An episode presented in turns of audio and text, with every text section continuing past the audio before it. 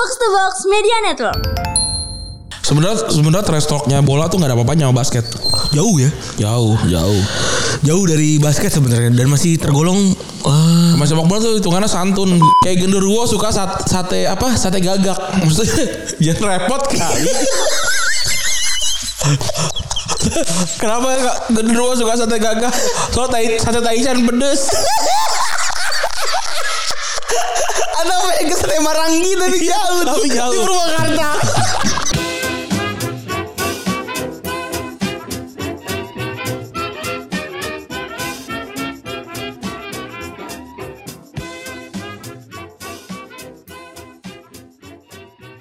Podcast Retropus episodenya kita nggak tahu episode berapa karena kita lagi ngebanking nih.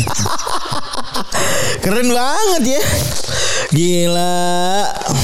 Duniawi. Duniawi entertainment.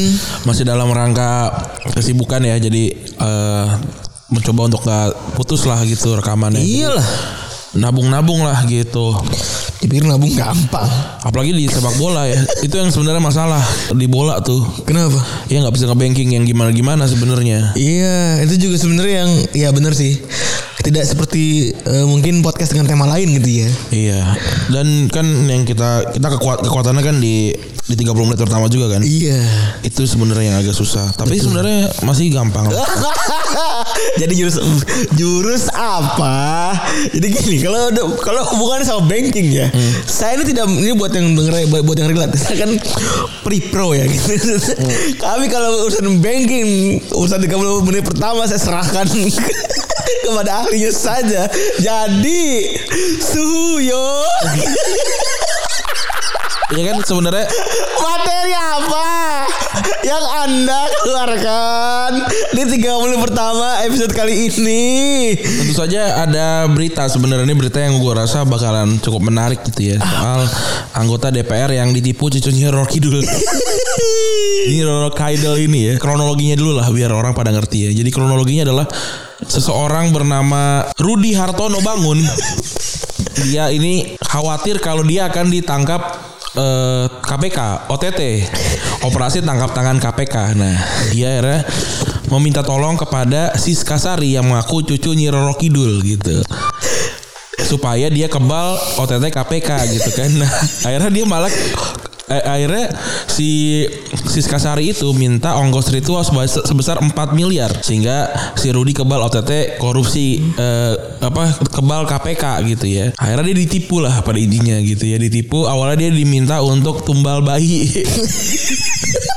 Beneran nih itu tumbal bayi terus bilang wah berat banget gitu. Ya udah kalau kalau nggak tumbal bayi tumbal ayam maksudnya ah, jauh banget ya. Nate, Nggak, tuh juga goblok. levelnya jauh banget. Kata tante saya "Ma- oke saya bantu. Ya sih kita sesama makhluk bantu bantu aja bang gitu. Oke siap. Apa syaratnya? Tumbal bayi. Wah berat banget. Yaudah kalau kalau bayi nggak bisa ayam juga boleh. Itu sama kayak lu. Oh mau beli PS5 kata orang lu ah mahal banget jangan. Ya kalau PS5 nggak boleh. PS2 Eh, ini yang mainan ring-ring di air boleh. Ring-ring di air. Ini pijit-pijit ya. Itu levelnya jauh ya Abis itu era dia belilah ayam Ayam cemani Hitam ya. Ayam kenapa jadi ayam cemani itu kayak anjing gue hidup hanya untuk jadi jadi tumbal Pesugihan. jadi tumbal pesugihan padahal kan nggak harusnya nggak gitu Hmm. jadi ayam pada umumnya aja cuma memang hitam gitu loh Iya mereka tapi emang daging tapi kan sampai ke darah-darah mereka hitam. iya tapi maksudnya ya, ya biasa aja gitu Iya. Ya memang harusnya biasa aja. kayak genderuwo suka sat- sate apa sate gagak maksudnya jangan repot kali Kenapa nggak genderuwo suka sate gagak? Soalnya tai, sate taichan pedes. Ada pengen ke Sate Marangi tapi jauh. Tapi jauh. Di Purwakarta. Anjing tiba-tiba jatuh anjing bang. Enggak ini gua kecolek, kecolek. Oh, terus tiba-tiba genderuwo enggak kok enak. Atau sate kelinci nggak tega kan? Iya. Maksudnya ken- kenapa gitu? Nah kemudian dilakukanlah ritual itu awalnya minta ayam ayam mah harga 7 juta rupiah ditransfer banget ini. terus ya tapi dibandingin kerugian 4 miliar maksudnya Iya terus terus terus. terus 7 juta kemudian lucu banget kata Rudi eh, eh kata si Siska kurang ternyata akhirnya diminta tumbal lebih banyak gitu ya sampai total 1,3 eh, eh pinjam 1,3 jual mobil segala macam jadi total 4 miliar itu. Terus kan Jadi berawal dari bayi terus ayam habis itu rugi 4 miliar total. akhirnya jadi total rugi 4 miliar. Maksudnya kan kalau gini ketahuan dong dia takut sama OTT KPK artinya dia ada apa-apa dong. Iya. Terus dia punya uang 4 miliar itu kan juga cukup aneh gitu loh. Malah dia akhirnya berhasil menjarakan sisi Kasari itu atau cucunya Nyi Roro Kidul tapi juga dia di penjara sama KPK bisa jadi. Tapi belum ya, belum ada keputusan kalau dia penjara KPK kan? Belum. Ya, ini, ini kayak lu lapor ke polisi kalau lu ketipu sama perek ya kan? Iya, Sama perek online Bingung, sebenarnya. bingung. Bingung gitu lah. Lu kenapa nyawa perek online? Ya gimana Pak? Tapi saya tetap ketipu gitu. Ini kan kayak lu maling tapi pengen dapet ini kan anti maling kan? Bukan lu maling tapi lu digebukin terus bilang pas saya digebukin orang nah gitu. Nggak tapi kan lu ini kan pengen punya ajian anti maling kan? ya ya mungkin ya tapi kan belum ketahuan kenapa dia takut banget sama sama OTT KPK kan. Gue sih nggak takut. Maksudnya gue sekarang nih Tahu. Nggak takut. Kenapa bapak takut gitu? Ibaratnya kan berhubungan. Berarti kan ada, ada ini kan. Ada, Suzon aja nih. iya sih tapi Iya sih. maksudnya nama nama nama eh gimana ya dia sebagai sebagai anggota DPR harusnya kan lebih pintar gitu tapi ya mungkin mewakili orang-orang yang buta huruf kali ya dia perwakilan anggota sebagai perwakilan rakyat gitu Tapi ya aneh aja sih aneh-aneh aja buat gue. tapi memang warga Indonesia tuh memang cenderung percaya sama hal-hal gaib kayak gini Hmm. apa pun yang terjadi gitu ya bakalan ujung-ujungnya gaib bakal ujung-ujungnya gaib gitu Iya. Kayak misalnya ada sesuatu bendungan bocor gitu atau bendungan tiba eh, gagal gitu. Udah pasti bilangnya wah ini ini kurang se- se- sesajen atau tumbal gitu kan. Padahal bisa jadi memang memang gagal desain aja. Iya. Iya kan? Atau kayak dulu dulu kan kayak ada ada cerita yang ada jembatan yang jembatan di Jawa Barat tuh atasnya atasnya apa kereta api bawahnya apa mobil tuh yang zaman dulu pembangunan pas Belanda. Oh iya ada ada. itu katanya eh, ada tumbal tumbal suami istri yang baru menikah dan masih perjaka sama sama perawan gitu. Jadi jadi belum belum melakukan hubungan badan. Jadi abis itu ditumbal proyek. Bule bule pertama kan kayak sih kan abis lagi bikin bangun gini terus datangin sama warga setempat sama tok- tokoh masyarakat gitu kan. Menir ini nggak bisa nih bangun gini gini aja tanpa harus tanpa ada syukuran atau ada apa tumbal gitu atau ngobrol sama warga sekitar apa penghuni sekitar gitu kan. Tidak bangun saja ini gitu kan. Terus pas bangun gitu ada kecelakaan gitu. Terus ada yang ngitang itu kan nggak bisa nih dibangun gini. Akhirnya kata, si menir ya udahlah diba- dibandingin gua repot udah gua iya kita iyain aja gitu. Itu alasan paling cepat sebenarnya ya. Iya, atau mungkin karena memang yang ngerjain mandor dan kulinya orang orang Indonesia juga, orang pribumi waktu itu jadi menggunakan cara-cara pribumi. Jadi si apa Belandanya waktu itu ya ya udah selalu lah gitu. mungkin ya. Sekarang mulai anjing. Atau mungkin justru tumbal itu awalnya dari Belanda kita juga nggak tahu. Tapi kayaknya enggak deh. Ya kan kita nggak nggak nggak pernah ada Iya cerita sih, kan. Kita juga pernah punya cerita ya. Iya. Yang valid apakah tumbal itu dari apakah kepercayaan orang Indonesia Iya. ataukah memang Belanda itu percaya sama Tumbal. Tumbal. Iya. Ya kan bisa jadi loh. Bisa jadi Indonesia awalnya nggak percaya tapi kayak ih bule tolol gitu. Ih, komunit tolol. Iya bisa jadi loh gitu. Kan sebenarnya eh, cerita tumbal ini ini tuh juga ada di semua ke- kebudayaan gitu. Kayak semua kebudayaan tuh punya punya banyak corak yang sama gitu Iya, kayak. betul. Pasti ada banjir besar yang menyapu peradaban sehingga peradaban di restart. Itu ada ada di semua Ada di semua kebudayaan. B- eh, kalau lu cari semua di kebudayaan kebanyakan ada gitu. Hmm. Terus kayak ada orang kecil mengalahkan orang besar gitu. Itu ada di semua kebudayaan gitu. Iya benar ya. Ada juga Iya juga benar ya. ada memang. Entah itu legenda atau beneran gitu maksudnya. Ya, gue curiganya kalau kalau dari sisi agama mungkin kan ada banyak sekian puluh ribu nabi gitu kan.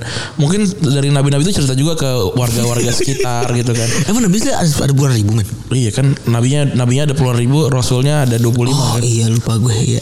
gitu jadi bisa jadi gitu bisa jadi eh terus juga ada yang yang yang selalu dilawan ini adalah eh persembahan eh, manusia gitu kan terus di, di semua kebudayaan tuh ada semua di Maya ada di Aztec ada terus juga di eh, Indonesia juga ada gitu kan. Jadi eh apa ini tuh memang sudah mengakar mengakar eh, apa namanya sejak sejak dulu nih gitu.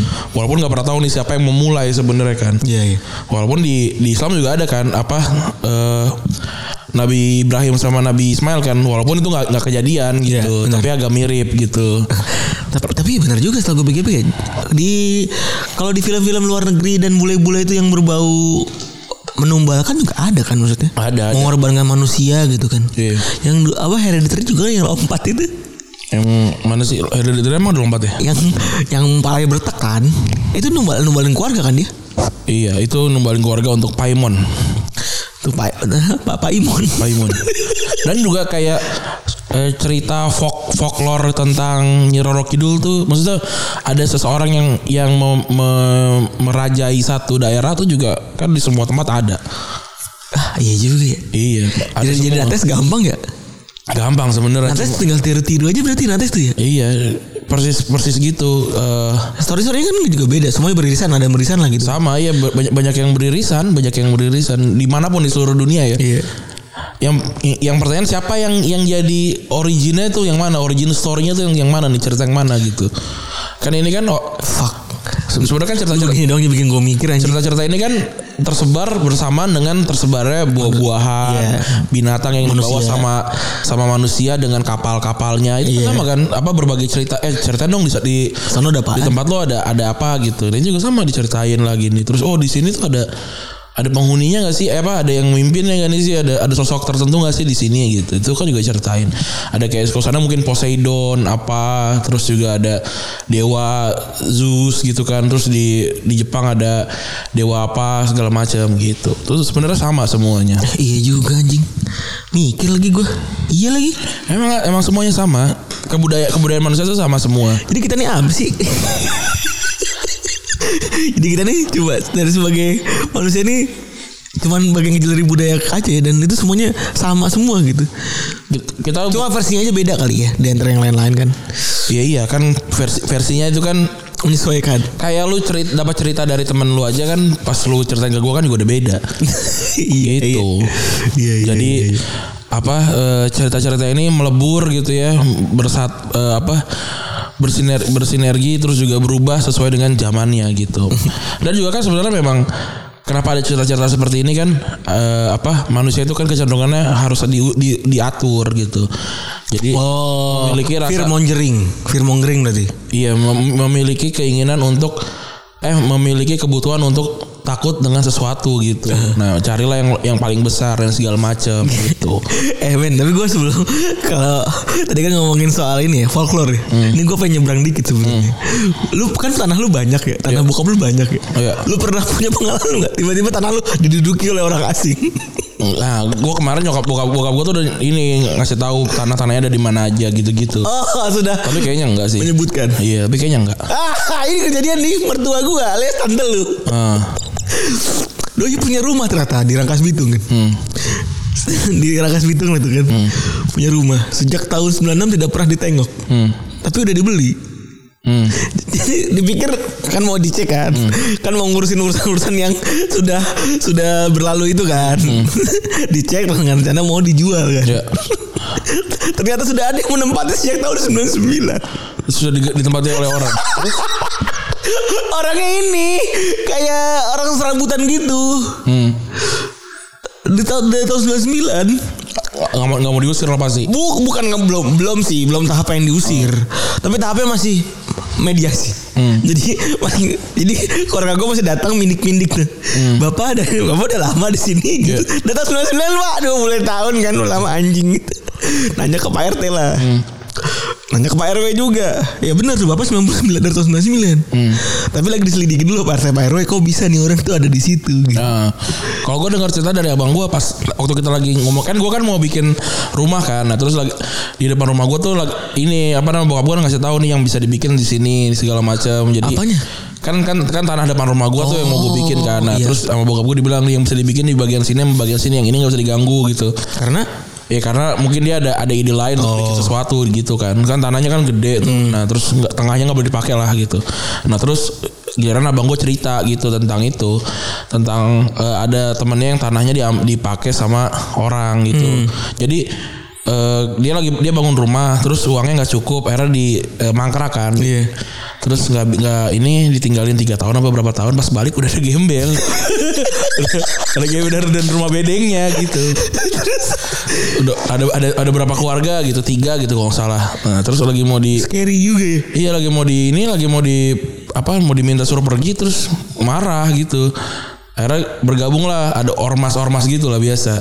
Dia bilang ya udah kita mediasi gitu. Nah si gembel-gembel ini si orang-orang yang tinggal sini minta satu kepala keluarga dibayar 500 juta lah. Anda tinggal di sini tuh juga siapa gitu. Makanya mau gimana pun orang-orang yang ngejagain tanah itu yang yang minta duit gitu kadang-kadang juga ada bener juga nih ya gitu. Walaupun mereka juga kadang-kadang jadi orang yang itu. Anjing shock juga gua. Iya memang emang emang ngeri. Kalau kalau bisa makanya kalau kayak gitu tanahnya dibikin inilah ada ranjau gitu. Atau apa gitu ya. Atau ya duduk langsung main game apa gitu kan. Biar Iya. langsung mati gitu karena jebakan apa gitu. Emang kadang-kadang kadang-kadang tuh digunakan apa dikasih ya udah pakai deh gitu. Lama-lama orang juga nggak tahu diri gitu kali ya. Tapi kalau minta 500 juta kalau gua sih mungkin kesalahan kesalahan mertua gua juga gitu ya. Dari tahun 96 97 nggak pernah ngontrol, 99 udah datang orang-orang itu gitu. Ya mungkin ada kesalahan mertua gua juga gitu kan. Eh cuma kan emang udah sertifikat ada kunci dan lain-lain ada nih dipegang. Jadi menurut gua Tapi kan aman. kunci cuma sekadar pintu yang bisa diganti cuy. Iya maksudnya sertifikat ada terus bukti-bukti kepemilikan dan lain-lain tuh ada lah lengkap. Jadinya safe lah sebenarnya secara hukum dan secara legal gitu. Cuman kan ini kan kulon si anjing. Mau diapain gitu kan? Iya. cara baik-baik apa cara buruk cara-cara cara nggak enak nih kan gitu Iya. kan? Kayak ada tanah bokap gue juga dekat rumah tuh ini juga jadi pertanyaan kayak misal hak hak apa suratnya suratnya ganda apa apa gitu. nah kan kayak gitu-gitu kan Iya makanya repot sebenarnya. tapi emang lucu juga sih kalau ada orang numpang terus minta ganti rugi tuh piye gitu Iya iya iya iya. piye tapi satu sisi kan kasihan Ran ya Iya. satu sisi tuh ya udahlah tanah gue kalau nggak dipakai ya udahlah silakan ditempatin gitu rumah gue Iya. gitu ya tapi kan kalau mau dipakai terus minta ganti rugi ya anjing juga kayak yang di Gombel kan tau loh hotel yang di Gombel tuh Iya. Oh iya gue gue pernah tuh ekspedisi. sobat ekspedisi lu anjing Lagian teman gue ada yang datang ke, ke Semarang terus minta ini. minta ekspedisi Iya. terus abis itu Ya udah ke sana terus kata gue kenapa ada handuk Gucci warna hijau juga dijemur nih.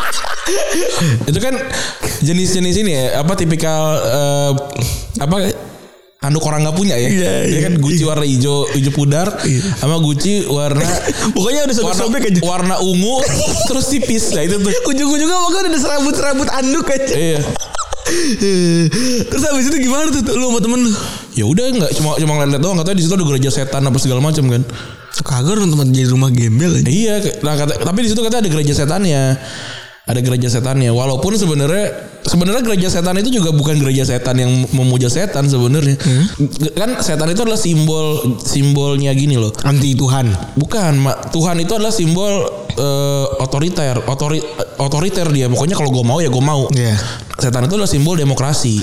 oh Gitu. Jadi untuk untuk menggoyang hegemoninya Tuhan pada pada pada pada momen ini adalah gereja gitu ya sebagai simbol Tuhan di apa simbol kerajaan Tuhan gitu. Makanya dia bikinlah gereja setan gereja yang isinya demokrasi gitu Oh. berdemokrasi gitu. Sebenarnya bukan ge- gereja ada yang memuja setan ada, Ada, ada. tapi ada juga yang tidak memuja setan gitu. Cuma setan sebagai simbol gitu. Tapi paling gampang itu ada apa gedung cumi-cumi. Kalau di gurita. Gedung gurita di Semarang juga ada kan? Emang ada ya Gedung gurita eh gedung Scorpion apa gurita tuh? Di Semarang ada juga. Iguita gambarnya itu Gedung gurita, gedung apalagi pokoknya diambil gampang lah kalau begitu-begitu tuh. Diambil aneh-aneh lah. Pokoknya cerita cerita paling mengagetkan gue ya itu kemarin itulah tentang ada rumah yang gue jadi bingung juga nih. Kalau misalnya kan ada watif-watif jadi kepala gue jadi Iya. ini diusir jadi gimana, nggak diusir jadi gimana, pusing juga. Aduh. Oke, ya udah kali ya udah 20 menit lah ya ngomongin non bola. Eh tadi juga lu pada dengerin soal berbagai macam folklore Ya. dan juga bacotan-bacotan orang lain gitu ya. Iya. Kali ini juga kita bakal ngomongin tentang bacotan main sepak bola. yoi Tapi dalam hal ini bacotannya concernnya pada trash talk. Sebenarnya sebenarnya trash talknya bola tuh nggak ada apa-apanya sama basket Jauh ya. jauh jauh jauh dari basket sebenarnya dan masih tergolong eh, Mas sepak bola tuh hitungannya santun kayak kayak kemarin apa yang si Suarez yang apa pakai gestur jarinya dibilang enggak kok bukan ngatain bukan ngatain kuman gitu. Ya paling paling kalau ngatain ya ngatain aja gitu. Iya, ya nggak apa-apa gitu. Kalau Indonesia tuh masih eh sepak bola tuh masih terlalu terlalu santun lah. masih terlalu ragu-ragu. Iya gitu. Sebenarnya mah eh, trash talk tuh lebih bagus lebih bagus dan lebih rame di basket. Jadi trash talk ini sebenarnya eh, kemarin kalau kita contohnya paling sih sederhana adalah ketika Emilio Martinez kemarin itu nantangin Ronaldo buat tendang sepak nendang penaltinya ya. Iya. Jadi sebelum si tendangannya Bruno tuh ngelambung, Martinez ngasih trash talk ke Bruno dengan cara minta Ronaldo buat ngambil tendangan penalti. Iya. Dia bilang eh lu ambil Ronaldo, you take it Ronaldo gitu. Lu ambil.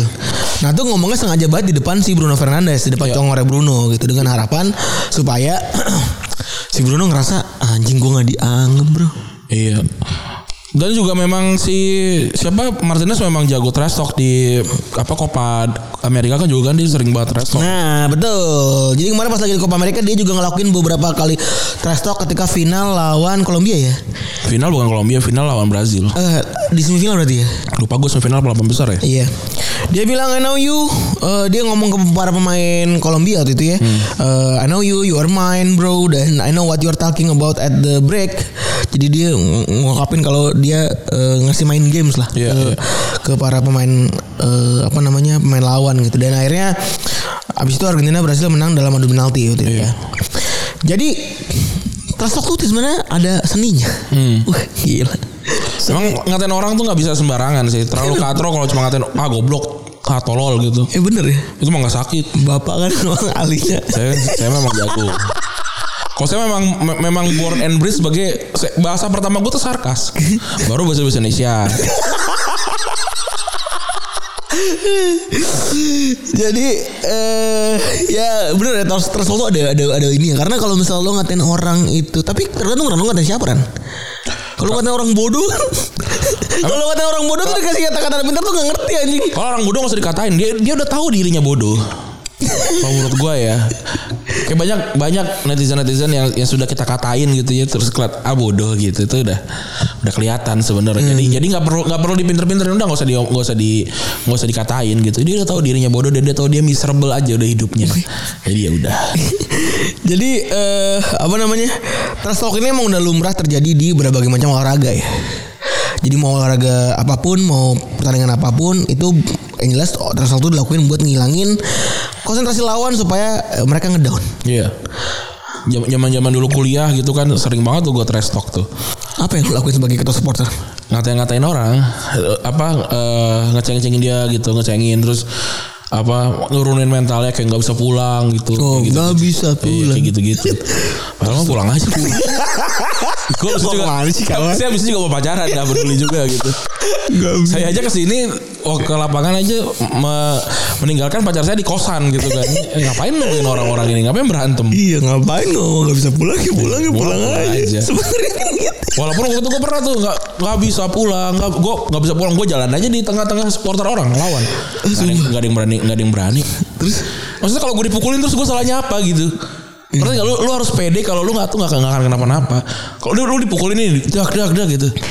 Nah kalau gue dipukulin kan mereka kena semua gitu. Iya. Nggak nggak nggak nggak perlu takut yang kayak gitu-gitu.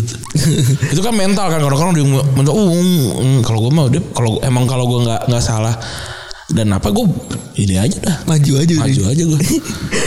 Jadi eh kalau gue tuh kak talk apa ya kapan nih? Eh terakhir Ah udah lama banget anjing Dulu kan gue banyak bacot anjing Gue kayak sudah Kayak gue menyesal dari Febri yang dulu deh Terlalu banyak bacot tanpa ada isi Sama gue juga sebenarnya. jadi, jadi sekarang ya sudah jadi yang lebih banyak diam, lebih banyak mantau ya. Jadi kalau misalnya eh, apa eh, lu trash talk kan seperti biasa pakai kata-kata hiperbolik ya. Dan juga ngelebih-lebihin dan bah- bahkan gak jarang buat ngata-ngatain. Dan ternyata di olahraga sejarahnya itu talk itu dipopulerin sama Muhammad Ali katanya. Ketika sekitar tahun 60 sampai 70-an. Namanya masih Clasius Clay. Clay. Cassius Clay namanya. Eh keren dia mau. Sting like a bee. Dia dia mualaf gak sih? Kayaknya mualaf ya. Namanya ganti kan. Terus Idola gue tuh tinju. Idola walaupun gue gak pernah nonton secara langsung ya. Tapi lo ada game yang nonton gak? Replay. Oh banyak. Kalau itu gue banyak, banyak gue. Dia tuh speed kan nih. Iya dia dia tuh nggak bisa lu pukul. Dia tuh kayak ini Mayweather Junior. Mukanya tuh selalu bersih. Iya bener. Karena nggak bisa dipukul. Sama kayak eh, kalau Tyson kan dia agak dia, kalau dia kan kayak tank. Holyfield ya, dia benteng kan. Oh dia tank. Kayak- Itu ada tuh yang eh, apa obrolan yang mereka berdua tuh ditanya kan Iya bener. sama si Tyson. si Eddie Murphy. Eddie Murphy bilang kan kayak jujur Dia lu, bermungkin kenapa geli banget gue ngeliat mukanya. jujur sama kita gitu. Eh, ngomong ke ngomong ke si ini ngomong ke si siapa namanya ngomong ke si Muhammad Ali kan jujur sama kita kalau lu ketemu sama Tyson siapa yang menang antara lu berdua gitu. Terus si si Ali bilang gue eh gue sih nggak kuat gitu. Gua- eh gue gue cuma cepet doang gitu. Terus kalau dia puk dia dan dia ku- sekuat itu. Kalau gue dipukul dia langsung eh gue langsung tepar gitu. Terus kata si Tyson. Tyson bilang kan kayak udahlah nggak usah di nggak usah terlalu banyak diomongin gitu. Semua orang harus setuju. Eh apa namanya semua mulut juga harus berkata kalau orang ini adalah the greatest of all, all time gitu langsung sih. Kan Ali tapi kan nggak tahu udah udah kena udah kena cacat. Parkinson apa gimana mukanya udah, udah cuma diem doang gitu. Gue tuh enggak punten banget nih ya gue sebagai orang yang melihat Ali setelah udah kena Parkinson ya. Iya. Jago apa aja jangan takut Mike Tyson. Tuanya nanti Parkinson emang lagu apaan anjing? Ada jangan takut Mak lampir. Hehehe Mak lampir itu Farida Pasha. Oh Jangan takut Tidak naik kelas. Tinggal pindah sekolah. Ada itu Lagu panas dalam. Oh panas dalam ya? Jadi waktu itu setahun 63 Ali bikin album yang bersih kalimat nama trash talk yang biasa dia pakai Bahkan dia, bahkan dia make eh, judulnya yaitu I'm the Greatest Kayak kalimat yang jadi trademarknya Ali sampai sekarang ya Dan tujuannya emang udah jelas Trash talk ini ng- ngasih pengaruh psikis buat lawan Dengan harapan kalau musuh lawan lu terganggu kan mainnya juga makin jelek di lapangan kan. Ya Eh, terus eh formnya yang, yang biasa dipakai ada berbagai macam. Ada ngatain fisik, hmm. jelek lu. Ingatin orang tua Iya kan Mulyadi. Enggak lagi, lagi main bola nih. Nama bola Ronaldo gitu. Klerin lu apa sih? Tapi kan kalau trash talk tuh yang paling mungkin kelihatan adalah kalau UFC tuh kan sebelum UFC Oh, iya. kelihatan. Kalau lagi nimbang tuh ya. Iya. Makanya repot. Nimbangnya rame banget. Sumpah ya Itu nimbang paling repot yang pernah gue lihat tuh Padahal sama nari mak gue beli telur nimbang baik Tapi nih nimbang doang gak makan. Nimbang doang gak makan ketan, ketan hitam.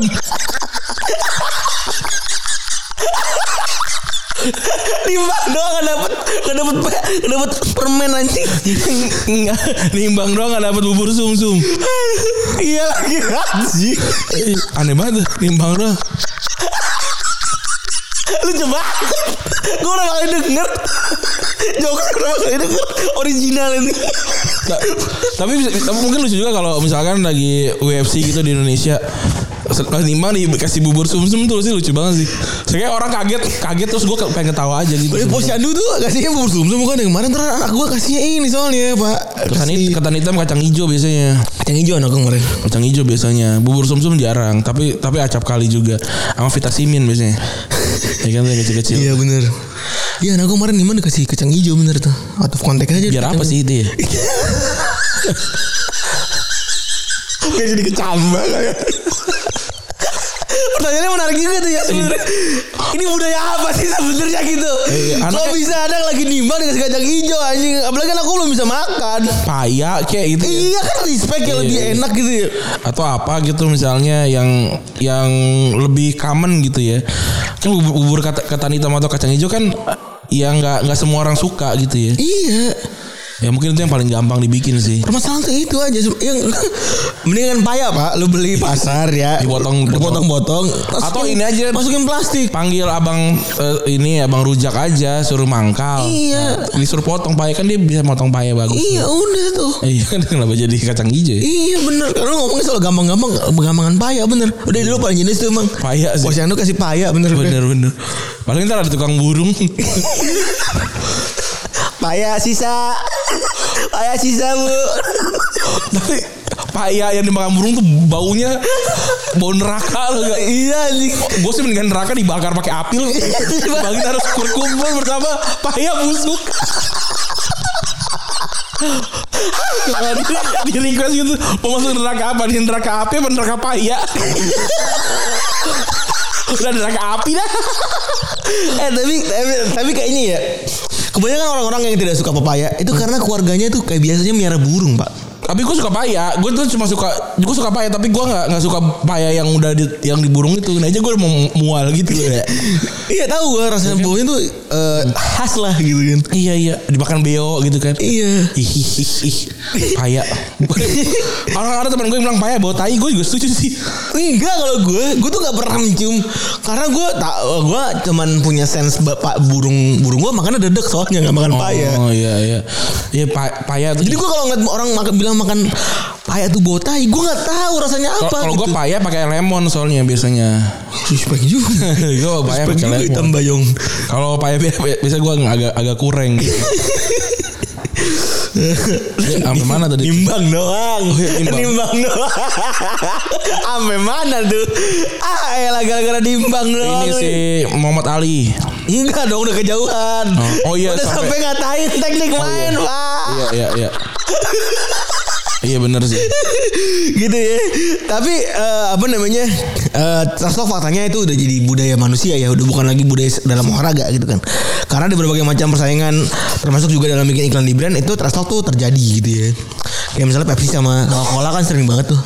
Yang paling gue inget tuh orang beli dua Coca-Cola buat di- diinjek terus nggak eh, karena Pepsi di atas itu. Iya, itu juga. paling paling inget gue. Iya. Tapi ternyata ada fungsi eh, dari talk sendiri. Iya.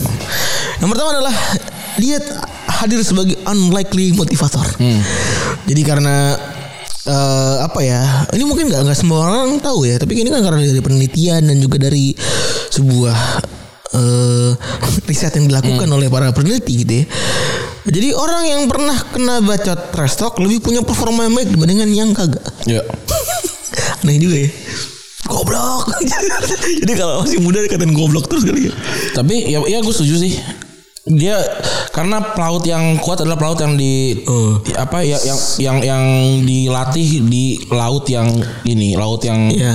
m- eh, apa laut yang eh, dalam gitu ya. Smooth seas doesn't make good sailor kayak gitu lah. gitulah ya. Iya. Dan apa namanya? Ketika banyak orang pikir kalau talk itu bikin orang kena mental, tapi ternyata riset ngebuktiin eh, sebaliknya karena lo jadi punya motivasi ekstra buat outperform your opponent katanya gitu. Jadi kalau lu di talk lu jadi pengen ngalahin opponent lu secara lebih eh, luar biasa lagi. Kalau gue zaman muda sih gue mungkin cukup triggering ya, tapi kalau sekarang sih gue enggak sih. Misalnya dia dia mengatain apa gue sih ya udah biasa aja. Kalau gue kalah berarti emang karena gue kalah bukan karena gue dikena trash talk. Kayaknya sih gitu ya. Tapi makanya anak pemain muda tuh banyak yang sering kena kan ya. Banyak juga di itu itu yang dimanfaatin sama eh, pemain-pemain juga kan ketika ketika trash talking pemain-pemain gitu kan. Sama kalau di ini di rap kultur rap tuh ada dis, ada dis gitu. Itu ada kontol tuh dis kan nih. Bukan. Oh iya itu, itu tapi dis itu dis yang nggak jelas benar itu ngedis orang ngedis si kangen band ya kan. Kalau si Ekbol di dis sama si segitiga bermuda baru itu sih. Ya segitiga bermuda. Gue kira lu dalam ternyata skill cetek lebih mirip air kolam gitu. Iya benar. itu baru saling dis tuh sama kayak eh, beberapa nggak diisi yang Lex gitu ya itu apa oke lah Terus juga Trash talk sendiri tuh punya sisi sisi sisi apa ya? Sisi buruk dan juga resiko ya. Sisi dibaliknya dan juga resiko. Pertama, lo bisa aja dibalas trash talk sama lawan lo yang mungkin bisa lebih nyinyir daripada lo ya. itu resiko harus diterima Gak lu bayangin lu ngatain Mak lu kiper tapi yang juara Liga Champion jadi pantun anjing tapi, tapi langsung shock tuh pasti Punya balasan Ya juga sih anjing Iya. Kayak gitu juga anjing Terus juga Trash talk sebenarnya butuh kreativitas gitu kan. Iya harus harus ngatain orang tuh harus kreatif biar kena gitu. Cari sisi yang paling vulnerable dari dia harus pukul di situ. Jadi kalau lu nggak bisa atur isi kepala eh, secara kognitif ya, lu bakal eh bareng gitu. Jadi jadi kan kerja kreatif buat em, tampil di lapangan sama kerja kreatif buat ngata-ngatain orang kan di lapangan nih. Jadi kalau apa namanya gak banyakin trash talknya eh, nggak banyakin kreatif sisi kreatif buat nge-trash talking gitu ya, itu bakal jadi ngurangin penampilan lu di lapangan. Iya, tapi kalau lu trash talk orang, jadi mau nggak mau lu harus memang sebaik apa yang Lu katakan. lu apa lu harus lebih baik dibanding orang yang lu katain gitu kan ada tuh yang orang yang joget-joget wah wow, sekali pukul dar jatuh itu kan memalukannya parah Iya gitu itu resikonya bikin malu itu. ya. Tambah lagi ada resiko lain adalah eh, bikin malu gitu. Soalnya kalau misalnya lu lu kayak gampang jatuh ya udah aja gitu anjing jadi. Iya. Yakin dulu sama diri, diri sendiri sih kalau mau trash talk sih. Dan tips nih ya buat lo yang eh, tipsnya buat trash talk yang lebih baik itu ya adalah bikin lo lebih tinggi dari lawan bukan dengan hina atau eh, rendahin lawan katanya. Jadi kalau misalnya menurut penelitian trash talk biasanya memang ya kan namanya baik dan buruk ya di antara baik dan buruk kan ya. Jadi antara itu baik buat bikin lo menang gitu ya. Tapi buruk karena bisa jadi mengganggu unsportsmanship gitu. Mengganggu sportsmanship antara pemain gitu kan. Apalagi ada tendensi ada tendensi pemain sepak bola itu kalau lagi trash talk ngomonginnya rasisme Iya. atau ngomonginnya eh, keluarga gitu ya. ngomonginnya eh, bully gitu kan. jadinya ya eh, cara paling aman adalah ninggin lu sendiri kayak apa yang dilakuin sama Martinez tadi gitu kan Iya. kena lu sama gue terus juga eh, apa namanya eh, lu pasti bakal bisa gue dapetin gitu Iya. dan gak jarang juga sebenarnya makanya gara-gara gara-gara orang yang nggak bisa trash talking itu malah kena hukuman karena mereka ngelakuinnya jadi kelewatan. Iya, asal aja ngomongnya. Iya bener Ini kejadian trash talk yang malah jadi kelewatan ya Itu dan selalu diingat eh, Pertama adalah kebo eh, Ada Beckham sempat goblok Beckham goblok karena ngatain Hakim garis Iya.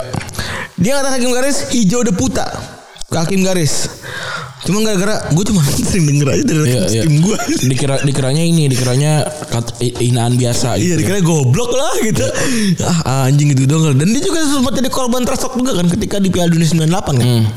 Trash talknya Diego Simeone kan waktu itu ya Sebenarnya kan dia ditendang itu kan yang ditendang itu. Hmm. Eh, pura-pura gak sih dia? Iya yang dia si Simeone apa dia si Beckham jatuh habis itu kakinya naik ke atas nendang si Simeone. Iya. Gitu. Terus eh yang jago banget trash talking ada Zlatan ya. Ini udah jelas kayaknya orang ya. Hmm, pede banget ya dia. Ini orang pede banget, lebih ngerasa lebih besar daripada orang lainnya gitu kan. Terus juga eh ini orang juga narsis banget gitu kan. Bahkan dia nyebut diri sendiri sebagai Tuhan gitu kan. Dan juga dia juga emang eh, apa namanya jago banget eh, bikin trash talk lah. Dan di era Muslim lalu ya dia kena ban satu pertandingan karena eh, nge-insult wasit.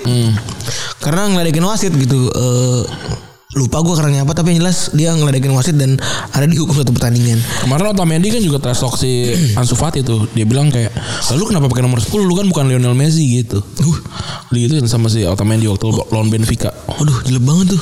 Iya sih, mungkin kena juga sih Fati gitu. oh, ini masih bocah ya. Iya.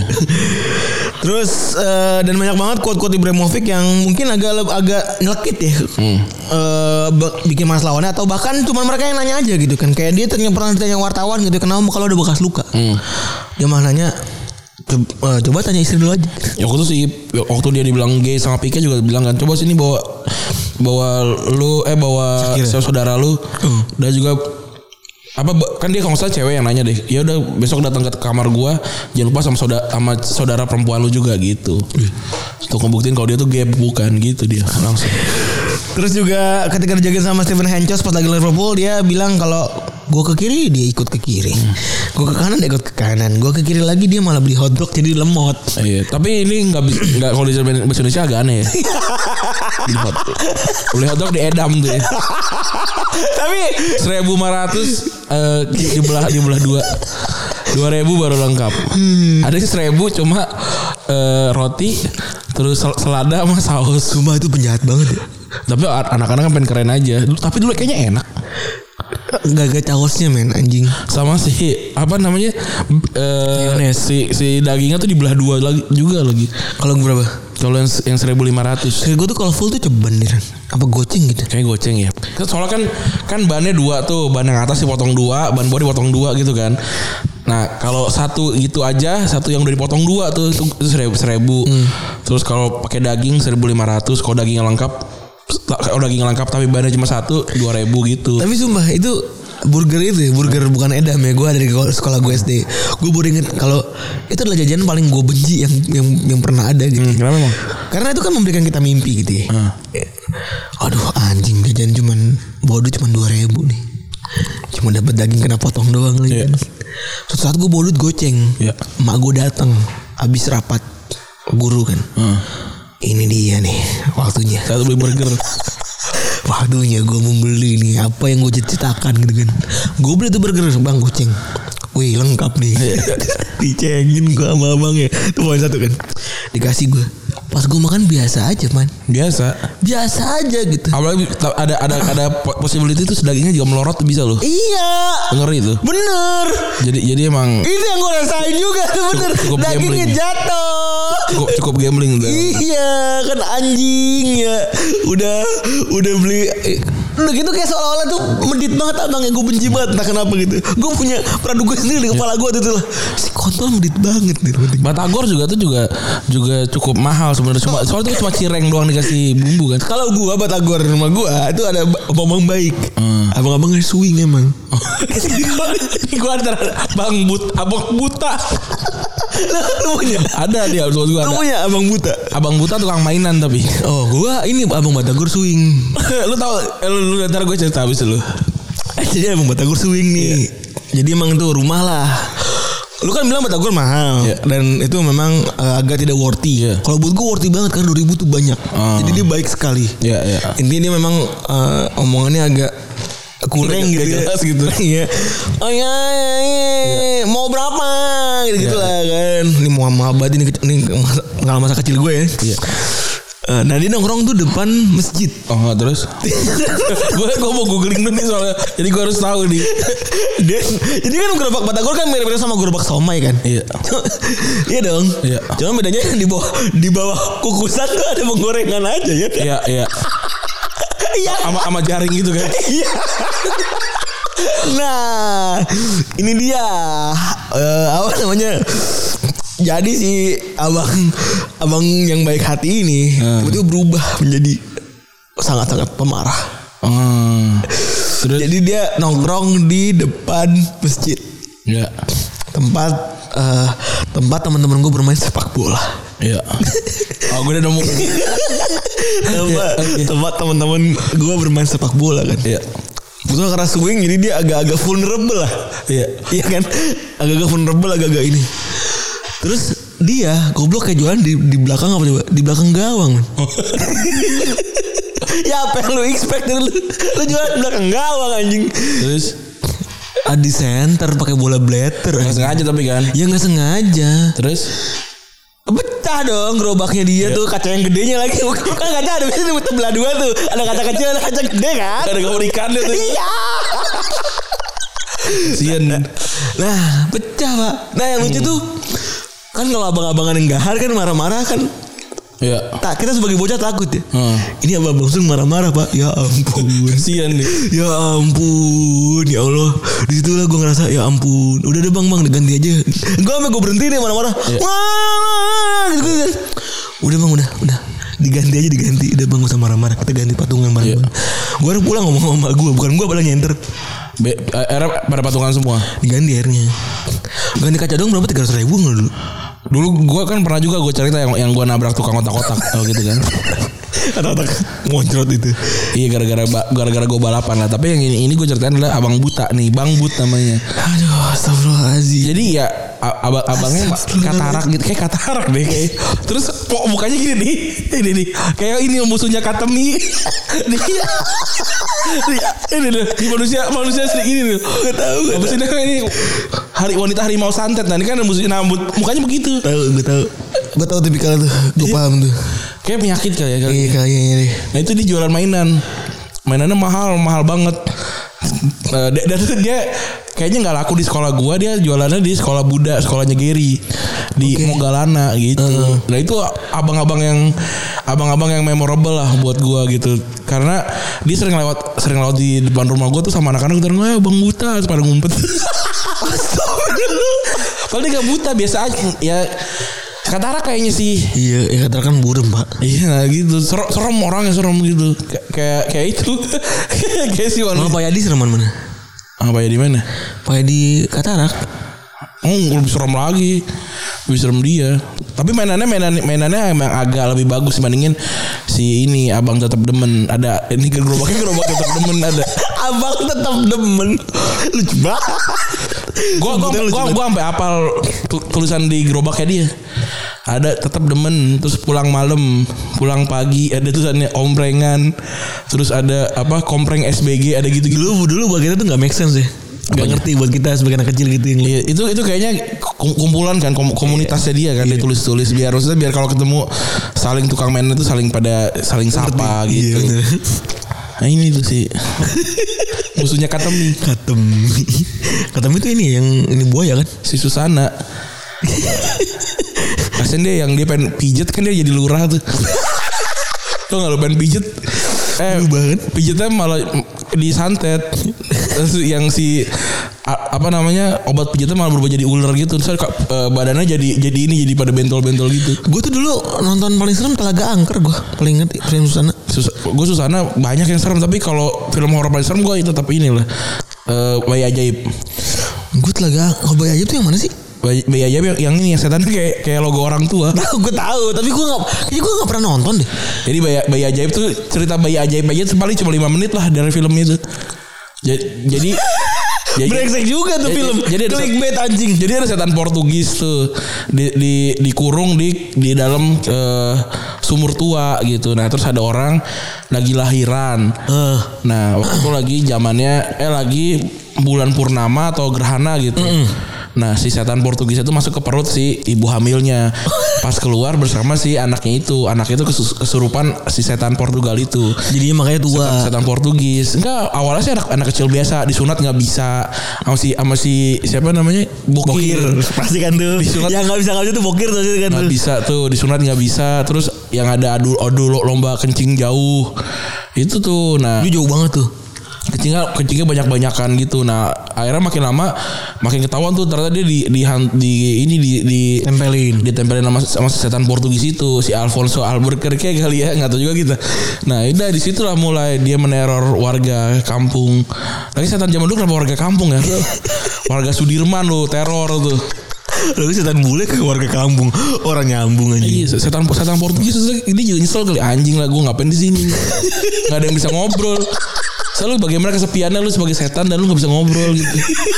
Iya juga. Kalau ngomong nggak, kalau ketawa kan jajah jajah kan orang gak, gak takut gitu. Jaja jaja. Eh, Gak takut.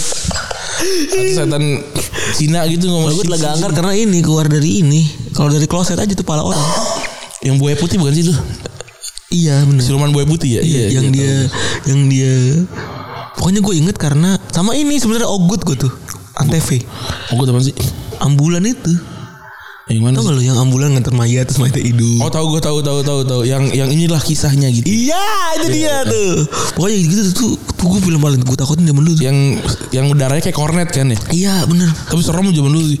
Terus lampu neon neon merah kan biar Iya. serem sih itu. Serem banget itu gue dulu Cukup, dulu traumatis tuh. dulu traumatis banget bener tuh gue Dulu dulu aja silat aja tuh setan loh horor loh. iya tahu gue Sekarang sekarang mau jadi gosip ya. Dulu tuh horor loh. dulu originnya horor dan gue nonton juga tuh Nonton yang filmnya dua belas kan itu ya? setengah 12 siang ya. Habis itu si itu si apa eh Bang Napi oh iya serem lah. Nanti dia mana kita? Sampai nah kali ini ada cerita lain ya tentang Materazzi versus eh, Zidane ya. ya, tahun 2006 final Ini mungkin Dunia. the biggest and the, mom, the memorable trash talk of all time kali ya. Ini kejadian tahun 2006. Waktu itu si Zidane ada di pertandingan terakhirnya ya. Dan di babak tambahan tiba-tiba Zidane di kartu merah karena nyundul Materazzi. Jadi usut punya usut dan sudah apa namanya? Dibaca secara bibir ya. Ya, di ini apa namanya? Aduh gue lupa lagi nama, nama ininya. Bohong kali itu ya, si itu Poppy ya. Poppy itu nggak Poppy ya? Poppy Amalia. Yang you can lie gitu tau nggak lo? Iya. Bohong kali itu ya. Iya apa namanya? Mikro ekspresi. itu dia. Iya, jadi sebenarnya itu gosip yang beredar katanya Materazzi ngeledekin adanya Zidane kalau dia adalah pelacur. Hmm. Zidane waktu itu jadi eh, Zidane pernah ditanya akhirnya sama f- eh, apa namanya sama wartawan. Dia bilang pas lagi pelatih ketika press conference dia tanya "Al- sebenarnya alasan alasan alasan lu nanu dalam Materazzi apa sih gitu. Lu pikir gue mau jawab itu? Wah, marah dia ternyata. Iya. Masih emosi ternyata dia. Dan Materazzi nggak dan Materazzi dan Zidane sampai sekarang nggak pernah ada yang ngasih tahu ya. Sebenarnya apa gitu ya. Jadi ini orang-orang cuma yang bilang pelacur dan segala macam itu cuma dari Menerka-nerka aja gitu. kata kata bibir apa eh, bibir gitu ya. Mm-mm. Dan belum tentu benar juga. Iya. Terus juga main bintang juga ada ada Maradona yang dikatain cabi. Iya. cabi. Cabi lu. Jadi waktu kali pertama kali dia datang ke Argentinos Junior Maradona dipanggil cabi sama kiper Boca Hugo Gatti. Dia lalu bilang ke manajernya kalau besok dia bakalan ngegolin ke gawang Hugo Gatti. Dan seperti biasa Maradona ya menepati janji. lah. Iya. Terus eh beberapa momen trash talk ya. Yang lo kenal gak Bro? Ya tadi yang mungkin yang terdekat si Ansu Fati lah. Hmm. Kalau gue tuh ada juga Suarez Evra kan Iya. itu kayak eh, rasis plus trash trash talk sebenarnya. Terus ada juga Nistro yang di negara tau nggak yang tepuk tangan dia. Iya, waktu lawan Andorra itu akhirnya dia penalti dan gol. Iya benar. Terus ada Messi sama Alvaro Gonzalez lu inget gak? Ingat yang dia Ini gini, yang dikasih pendek gini. atau kayak si Messi sama si eh, Mourinho yang Mourinho kayak nunjukin gestur kalau Messi itu bau gitu. Habis itu Messi golin. gitu. Ada. Messi serem banget ya dia mah diem aja anjing ya.